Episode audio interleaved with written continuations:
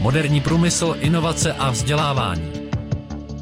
Podcast strojírenského měsíčníku MM Průmyslové spektrum, do kterého si redaktorka Hanka Janišová zve své hosty a hovoří s nimi nejen o těchto tématech, ale i o nejrůznějších aktualitách a zajímavostech ze světa podnikání.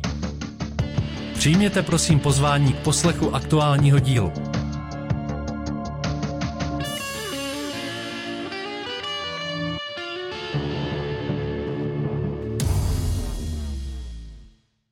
Tentokrát si společně poslechněme jeden z příběhů klientů Národní rozvojové banky.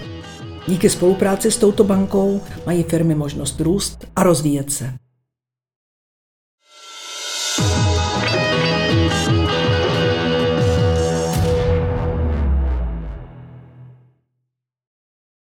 Cílem naší společnosti je poskytnout zákazníkům jistotu, že práce budou provedeny řádně a včas. A to s důrazem na filozofii, kterou vyjadřuje naše moto. Nemožné je pouze slovo. To jsou slova Bohuslava Mrozka, zakladatele stejnojmené dnes již nadnárodní společnosti, specializující se na demolice, ale i na stavby na klíč. Tato renomovaná firma je jedním z klientů Národní rozvojové banky, jejíž program expanze jí pomáhá dále růst. Kromě mota, které se zde aplikuje na veškerou činnost, je společnost Mrozek vyhlášená hned v několika dalších aspektech. Veškeré hlavní činnosti provádí pouze vlastním technickým vybavením. Všichni zaměstnanci jsou pravidelně školeni a pro svůj obor působnosti disponují příslušnými oprávněními. Zaměstnanci společnosti jsou schopni provést veškeré opravy a úpravy strojů či automobilů potřebných k vykonání objednané práce. Jsou schopni realizovat složité technologické postupy zaměřené na práce ve stísněných prostorech, při demolicích výškových budov a komínů nebo pracovat v prostředí, kde jsou vystaveni vysoké míře prašnosti a hlučnosti. Aleš Delong, výkonný ředitel společnosti Mrozek, vysvětluje. Filozofie naší firmy vznikla v hlavě našeho zakladatele a majitele, který zde stále působí. Tímto způsobem se díváme na veškeré věci, které se v naší firmě řeší. Jde jen o to najít nějakou cestu. A nesměřujeme se s tím, že by bylo něco nemožné. Pokud se jedná o něco, co ještě nikdy nikdo nedělal, nebo na co aktuálně ve firmě nemáme vybavení, tak to pro nás neznamená překážku. Například ve chvíli, kdy se bourá 300 metrů vysoký komín a musí se to provést tak, aby se nepoškodily okolní budovy či technologie. Pro někoho je to nemožné, my však vždycky hledáme cestu. Třeba v Tušimicích je vytvořen určitý projekt, naši lidé se spojí s projektanty a dají dohromady zařízení, které by v tomto konkrétním případě mělo spolehlivě fungovat. Přitom to může být i zařízení, které nikdo nikdy předtím nevytvořil. V tomto případě šlo o bagr, který jsme přetvořili pro svoje potřeby tak, aby v této situaci vyhovoval. Řešení takových situací nejsou na trhu běžně dostupná.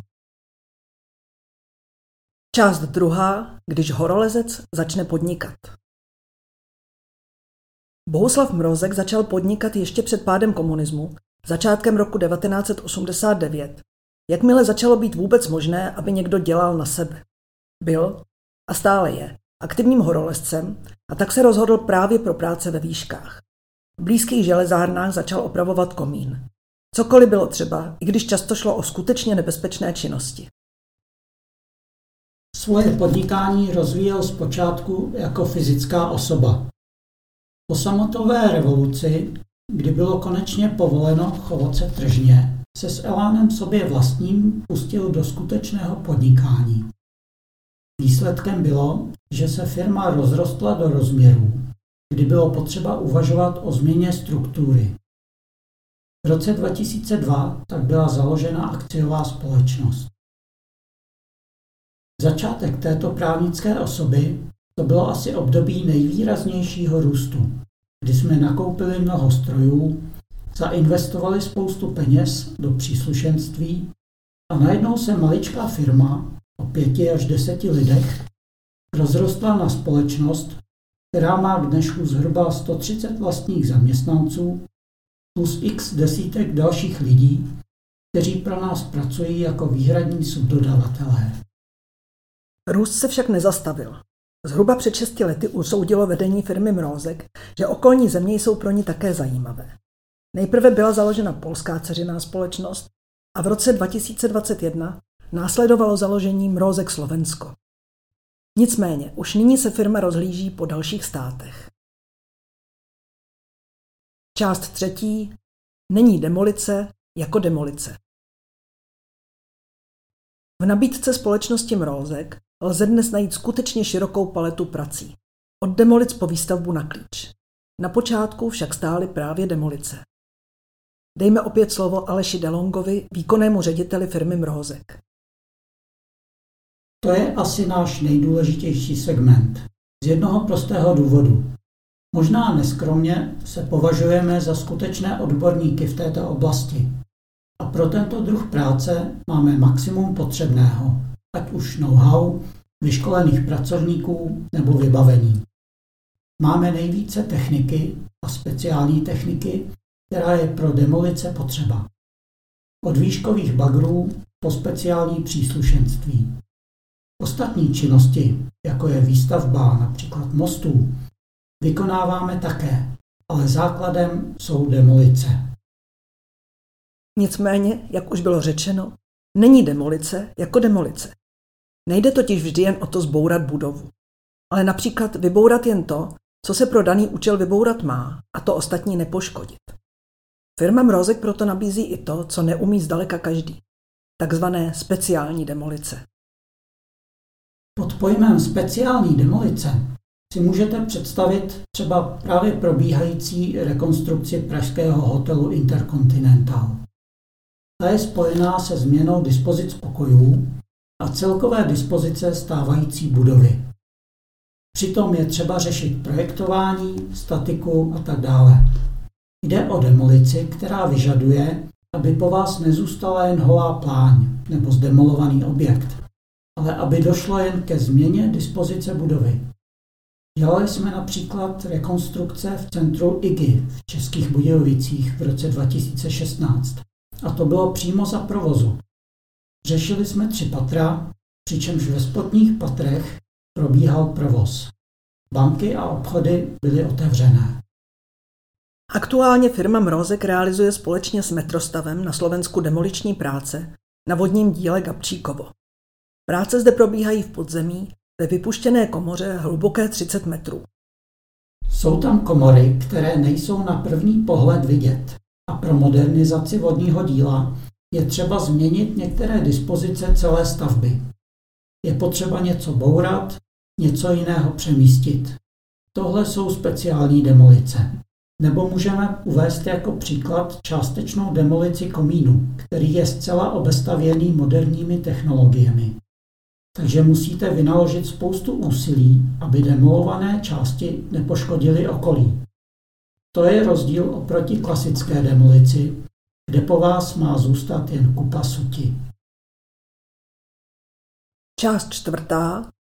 Růst není zadarmo. Co však bylo důvodem, že společnost Mrozek začala spolupracovat s Národní rozvojovou bankou? Aleš Dalong k tomu říká. Současná spolupráce naší firmy s Národní rozvojovou bankou není první. V minulosti jsme již ve spolupráci s ní některé projekty realizovali. Například jsme využili programu COVID. V roce 2021 přišla od vedení banky nabídka, abychom využili program Expanze. To se nám v té době právě velmi hodilo, protože jsme se začali rozrůstat do dalších zemí. Potřebovali jsme proto doplnit strojový park a modernizovat zařízení. Využili jsme tedy této možnosti a realizovali jsme své plány díky prostředkům od Komerční banky a současně od Národní rozvojové banky. Celý projekt se připravoval zhruba půl roku a byl závislý na dodávkách materiálu a příslušenství pro demolice, jako jsou demoliční nůžky na železo a železobeton. Finalizován byl koncem letošního února. Společnost Mrozek je tedy nyní díky spolupráci s Národní rozvojovou bankou plně připravena dokonale pokrýt potřeby svých zákazníků nejméně ve třech zemích. Bohužel vzhledem k ruské válce na Ukrajině nelze dnes úplně přesně plánovat v žádném oboru, ani v oblasti demolic. Nyní je složitější predikovat, co bude. Nicméně globálně je naším plánem rozvíjet projekty nejenom v Čechách, ale i v Polsku a na Slovensku.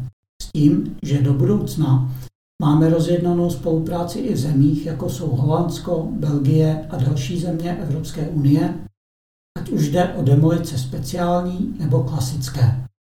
Protože jsme poměrně velká společnost, tak je třeba si uvědomit, že v naší malé zemi není projektů k realizaci tolik a tak zajímavých, jako když se rozhlédnete po celé EU.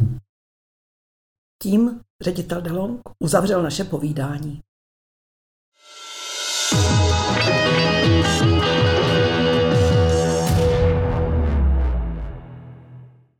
Program Expanze nabízí malým a středním podnikům bezúročné úvěry až do výše 60 milionů korun, které mohou být využity k pořízení strojů, zařízení, technologií, softwaru, licencí, nemovitostí, jako jsou například výrobní areály, skladovací haly, administrativní budovy a podobně, a jejich technického zhodnocení.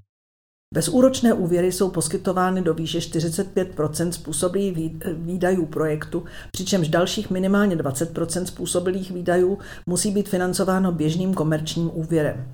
K němu pak Národní rozvojová banka poskytuje příspěvek na úhradu úroku až do výše 4 milionů korun. Splatnost bezúročného úvěru od Národní rozvojové banky je stanovena až na 10 let, včetně možnosti odložit splácení až na 5 let, a to bez jakýchkoliv dalších poplatků. Více informací najdete na www.nrb.cz.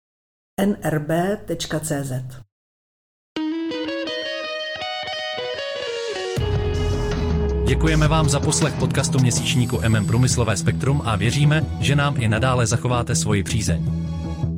Již nyní připravujeme další zajímavá témata. Chcete-li, aby vám žádné z nich neuniklo, odebírejte naše podcastové vysílání. Děkujeme a přejeme vám hezký den.